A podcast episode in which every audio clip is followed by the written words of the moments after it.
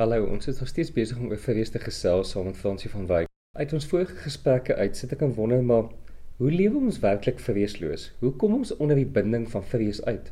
Piet is vir my baie keer so uh sleg as ek mense sien wat so onder vrees lewe sonder dat hulle dit regtig agterkom.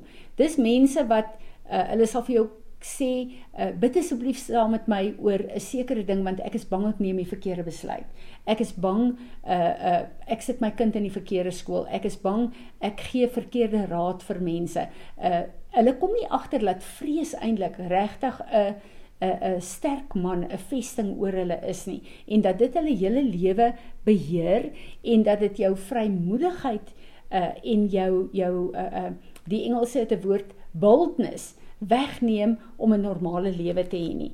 En as ons kyk na na uh hierdie vesting wat ons wat ons opbou, ehm um, 'n mens raak bang jy neem die verkeerde besluite. Uh plaas daarvan om net 'n besluit te neem en glo dat die Here jou help om die regte besluite te neem, is jy letterlik soos wat uh, uh Jakobus sê die boek van Jakobus sê, jy wik op twee gedagtes. Jy kan nie 'n besluit neem nie. En dit is eintlik wanneer daar vrees oor jou heers. So alles wat jy doen in die lewe is vir jou 'n verskriklike moeilike ding want jy kan nie sommer net besluite neem en sekere goed op plek sit nie. Alles is vir jou, moet ek dit doen of moet ek dit nie doen nie. Daai onsekerheid is eintlik 'n vesting van vrees wat oor jou opgerig is.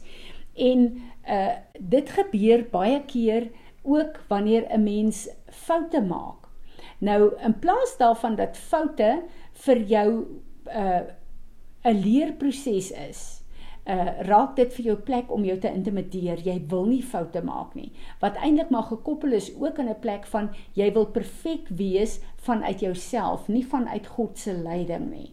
So dit bring jou op 'n plek waar jy vrees toelaat om dan 'n vesting oor jou te kom kom uh, oprig sodat alles in jou lewe vir jou ingewikkeld raak en dat vrees eintlik jou voetstappe rig in plaas daarvan dat God jou voetstappe rig. En tot 'n meerdere en 'n mindere mate is vrees en hierdie vlak van onsekerheid iets wat uh meeste mense vasvang. Party meer, party minder. As ons kyk na hoe jy deel met hierdie vrees in jou lewe, dan moet jy weet hoe meer jy toegegee het aan hierdie onsekerheid wat eintlik 'n gees van vrees is, hoe meer gee jy vir die vyand 'n blyplek in jou verstand. En hoe meer jy deur prosesse en en situasies in jou lewe is waar jy toegee daaraan, hoe groter houvas gee jy vir vrees op jou lewe. Totdat jy later op 'n plek kom waar 'n uh, klein goed wat 'n alledaagse besluit in jou lewe is, later vir jou iets is waaroor jy vrees.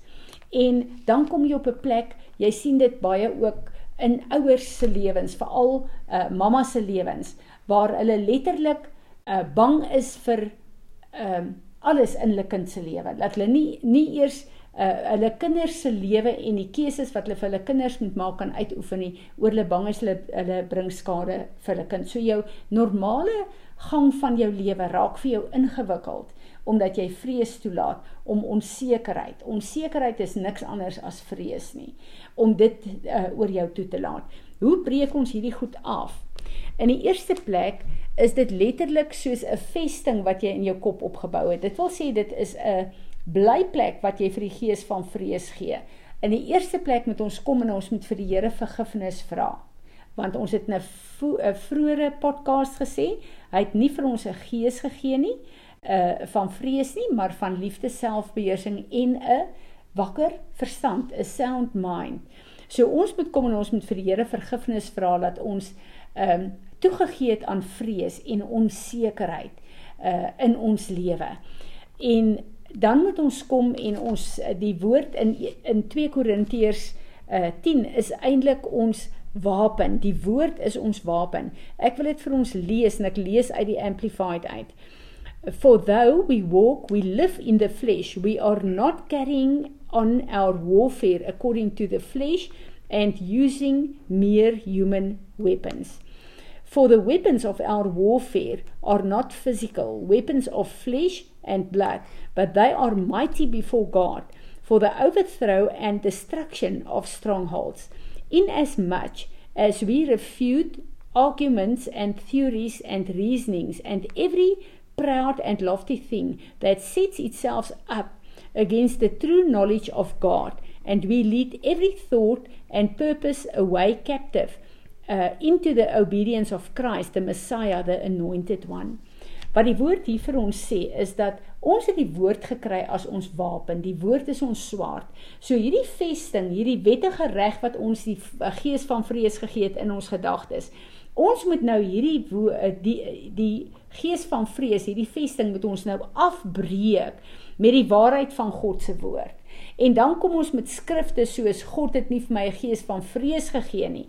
Die Here sal my nooit in die steek laat nie. En hierdie hele 365 skrifte oor moenie vrees is my wapen wat ek kan gebruik om hierdie vesting af te breek. En dan sê hierdie woord in Korintiërs iets baie belangrik dat uh die die gees van vrees het teorieë, hy het persepsies, hy het reasonings wat hy met ons dis gesprekke wat hier aangaan in ons kop.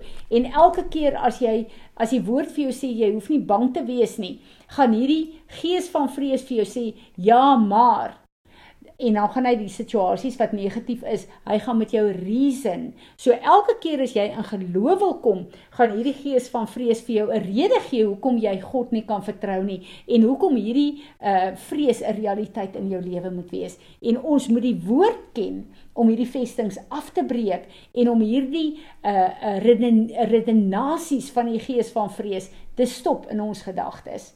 So dit is baie belangrik dat ons dit verstaan en dis die enigste manier wat ons hierdie geveg kan veg. Nou as ons met hierdie ding begin want ons almal het hierdie vestings van vrees in ons in ons gedagtes. Nou vir 'n praktiese tip in die alledaagse lewe as as vrees ons begin konfront, ons konfronteer. Hoe hanteer ons dit? Kom ons vat hierdie voorbeeld Piet wat 'n baie algemene voorbeeld in meeste van ons se lewe is. Jou geyser bars en skielik sit jy met 'n uitgawe van uh sê nou maar hier om en by 10000 rand. En in jou ehm uh, uh budget vir die maand is dit beslis nie iets wat gaan uitwerk nie. Nou wat gebeur met jou? Onmiddellik kom vrees in jou in en sê ja, jy gaan nie dit kan bekostig nie. Jy het nie geld vir hierdie geyser nie. Jy het nie geld vir hierdie uitgawe nie. En as jy toegee aan daai vrees, gaan jy net nou op 'n hoopie sit en jy gaan dink Wanneer gaan ek ooit genoeg geld bymekaar maak om hierdie ramp te kan betaal in my lewe? Nou in plaas van daarvan om met vrees te redeneer en na 'n plek toe te gaan waar jy hopeloos is, staan jy op en jy sê: "Vader, hierdie probleem wat ek hier het is nie 'n probleem wat ek verwag het nie. Maar dankie tog dat my salaris is nie my bron nie. U is my bron. Dankie dat u kan voorsien in elke behoefte wat ek het. Vader, hierdie is 'n 'n behoefte wat ek het. Hierdie is 'n realiteitsprobleem in my lewe nou en ek het die geld nodig om te betaal vir hierdie uitgawes om uh, my huishouding weer uh, normaal te laat funksioneer. So dankie dat ek u kan vertrou want u is 'n waarmaker van u woord. En terwyl ons dit doen, Piet, staan geloof op in jou hart. En ek weet dit maak die deure dan oop ook vir God se voorsiening. En daar ek het soveel uh getuienis in my persoonlike lewe en in mense se lewens van waar dit gebeur het. So ons moet prakties kom en ons moet daai redenasie van vrees wat ons gelees het in hierdie skrif in Korintiërs, waar vrees met jou wil redeneer en vir jou wil sê, Nou is jy in 'n probleem wat nie opgelos kan word nie. Moet ons opstaan met die geloof en met die waarheid van God se woord en wie God vir ons is en ons moet daai redenasies kanselleer. En gewoonlik as jy dit doen, dan is daar 'n blydskap van die Here wat in jou inkom en die woord sê, die blydskap van die Here is jou krag en jou beskerming. Is daar gebed waarin ons kan lei dat dat die Heilige Gees ons op 'n praktiese vlak elke dag van hierdie goed ons konfronteer, ons na hom toe kan gaan en kan sê asseblief help ons.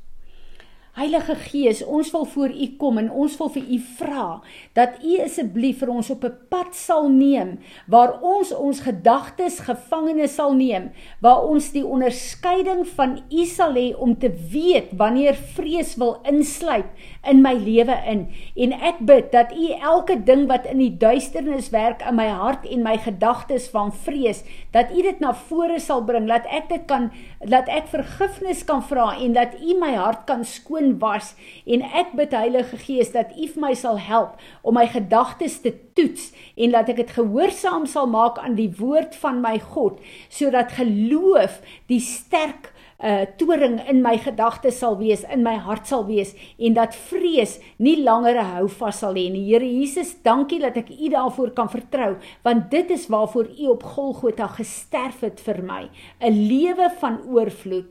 Amen.